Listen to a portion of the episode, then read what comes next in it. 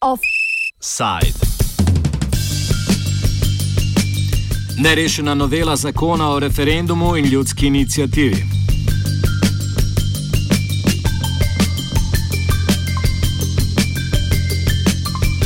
Odbor državnega zbora za notranje zadeve, javno upravo in lokalno samoupravo je opoldne med drugim obravnaval novelo zakona o referendumu in ljudski inicijativi.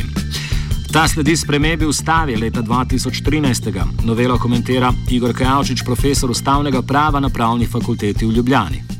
Sprememba zakona o referendumu je pravzaprav nujno potrebna, ker to že določa uh, ustava. Namreč sprememba ustave leta 2013 uh, je bilo eh, določeno, da mora državni zbor v, v letu dni uskladiti zakon o referendumu z novimi določbami ustave in to se sva ni zgodilo. Očitno pa je, da bo po treh letih to vendarle zdaj storjeno. Tako da bi se gre za obveznost, ki jo je moral zakonodajalec izpolniti in uskladiti eh, te določbe z novo ureditvijo. Zakon, ki naj bi se tako uskladil z ustavo, uvaja predpisan kvorum za zavrnitev zakona na referendumu, iz odločanja izuzema zakone o obrambi, mednarodnih pogodbah, davkih in človekovih pravicah, prav tako pa uvaja elektronsko poslovanje pri zbiranju 40 tisoč podpisov za razpis referenduma. Obrazci z zbranimi podpisi tako ne bodo več v rokah predlagatelja referenduma, ampak bodo podatki o podpisih hranjeni v elektronski bazi na pristojnem ministrstvu. Podrobneje o področju, na katerih eh, ne bo več dovoljen referendum, Kavčič. Nova ureditev referenduma, o kateri sem prej govoril, izključuje štiri področja, štiri zakonodajna področja, o katerih zakon ni več dopusten. E, to, je, e, to so nujni ukrepi na obramnem, varnostnem področju in področju glede naravnih nesreč. E, drugo so imenovani finančni, torej fiskalni in proračunski zakoni, eh, tretji so o mednarodnih pogodbah in četrti glede protiustavnosti na področju človekovih pravic in drugi, eh, drugi razlogi protiustavnosti. Nov zakon zmanjšuje število predlagateljev. Prej referendum lahko predlagala tretjina poslancev državnega zbora, državni svet 40 tisoč voljivcev in državni zbor, ponovem pa ga lahko predlaga samo 40 tisoč voljivcev. Prav tako uvaja kvorum. Za zavrnitev zakona je potrebnega vsaj 20 odstotkov vsega volilnega telesa. Nedvomno gre za strožja merila ampak so vendarle v nekem smislu posledica prejšnjih anomalij, ki smo jih poznali. Namreč eh, prejšnjih v tem smislu, da se je na referendumu glasovalo o vseh mogočih vprašanjih, ki pravzaprav voljivce niti zanimali niso, ampak so jih politične stranke iznašale na referendumu kot del nekega medstrankarskega boja. Eh, ne spomnite se, cel kup takih absurdnih referendumov. Eh, drugič, Bilo je tudi veliko težav s predhodnim referendumom, ki je pogosto blokiral zakonodajni postopek, eh, ker so nekateri referendum zahtevali samo zato, da so zavlačevali s postopkom, ne zato, da bi resno želeli eh, o tem referendum. Eh, potem na, na volišče je včasih prišlo po 13 odstotkov voljivcev. Poprečje udeležbe na referendumu je bilo okrog 30 odstotkov. Torej, manjšina je odločala o vprašanjih o, o teh. Skaka, eh, veliko je teh težav vezanih na prejšnjo ureditev, tako da moram reči, da ugotavljam cel kup pozitivnih sprememb. Kar se pa tiče vsebine, oženja vsebine, pa je res. Ampak eh, moramo biti tukaj realni. Tudi v državah, kjer podobno kot Slovenijo uporabljajo referendum, imajo še večje omejitve.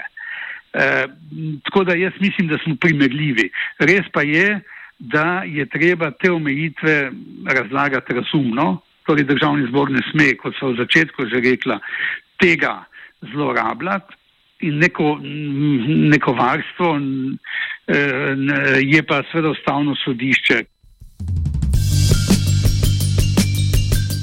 Iz zakona pa se črta tudi določilo, ki državni zbar na odločitev voljivcev na referendumu veže za eno leto. Ta določba je bila že črtana v ustavi.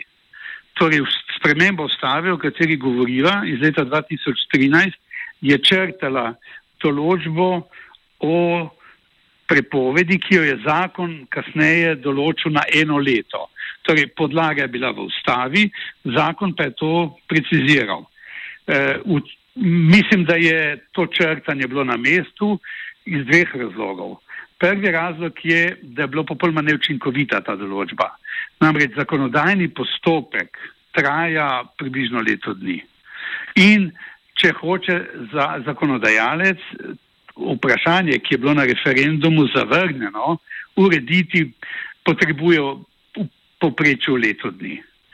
Drugi pa je še pomembnejši razlog. Drugi razlog pa v tem, da je zelo težko ugotoviti, zakaj in v katerem delu so voljivci zavrnili zakon. Vzemimo primer. Če ima, predčasno smo imeli referendum o istospolnih, če se izrazim poenostavljeno. Voljivci so takšen zakon zavrnili. In sedaj ne, je treba, kot je prejšnji zakon določal, ne, da državni zbor ne sme spremeniti eno leto določb, ki so jim voljivci nasprotovali. Težko je zagotoviti, katerim določbam so voljivci nasprotovali. Eni so zakon zavrnili mogoče zaradi posvojitve otrok, drugi zaradi istospolnih, proti, ker so bili proti istospolnim porokam. Skratka, državni zbor ne more pravzaprav soditi, kaj je bil glavni razlog, da je bil zakon zavrnjen. Če pa imate pred seboj nek zakon, eh, ta bila novela zakona, ne? ampak en, en, en sistemski zakon, ki ima tam po 300-400 členov, kako naj vendarle vemo, čemu vse so volivci nasprotovali. Zato seveda je bilo ocenjeno, da je taka določba nesmotrna. Moram reči, da tudi drugi sistemi tega ne poznajo v svetu, eh, da pa zato ni varnost te odločitve voljivcev na referendumu sedaj po novem nič manjša. Zakaj ne? Kot rečeno, ker je zelo težko v enem letu to storiti, poleg tega pa si težko predstavljam parlament, da bi šel direktno nasprotje z voljem voljivcem, kajti tvegal bi, da se zgodba ponovi. Namreč nikjer ni prepovedano, da voljivci lahko ponovno zahtevajo referendum o popolnoma istem zakonu. In seveda, upamo, da parlament v tako avanturo ne bi šel, ampak da bi pripravil zakon, ki bo skladen s tem, kar so voljivci odločili, oziroma da počaka vse nekaj časa, da se razmere mora biti spremenijo.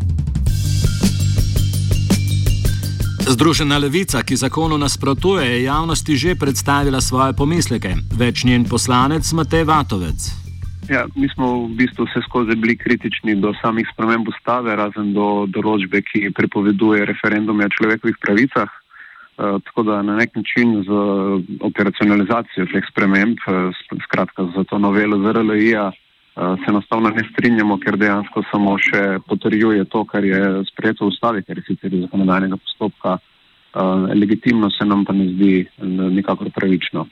Zdaj tu mi smo skušali na nek način z amandmaji nekako omiliti škodo, ki jo pač dela ta zakon, predvsem um, v točki, kjer, je, kjer uh, dejansko predlagamo, da se na nek način zaščiti te človekove pravice, skratka, uh, da se uvede v zakon določbo, uh, po kateri bi moralo ustavno sodišče v primerih takih referendumov, se pravi referendumov o človekovih pravicah, odločati vsebinsko. Spravi, da se ne ponovijo zgodbe, kot smo jih že videli, ker se dejansko zvede celotna stvar zgolj na nek postopkovni, neko postopkovno presojo, ampak da dejansko ustavno sodišče ugotovi, ali gre za zakon, ki krši človekove pravice in ga je seveda potem takem potrebno spremeniti.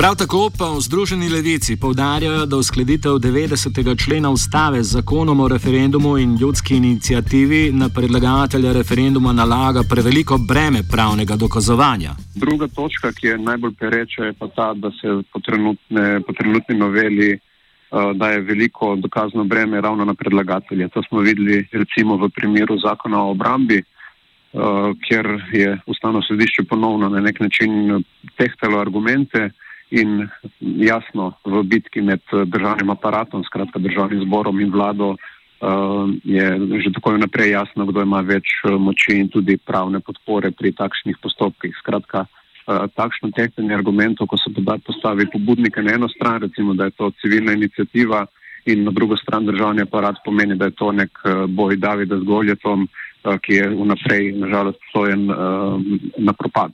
Oziroma, postavlja pobudnike v, v takšno situacijo, da bi morali najeti ustavne pravnike, ki bi speli uspisati dovolj dobro, močno uh, dovolj močen ugovor na, na, na, na takšno odločitev, skratka na zavrnitev referenduma.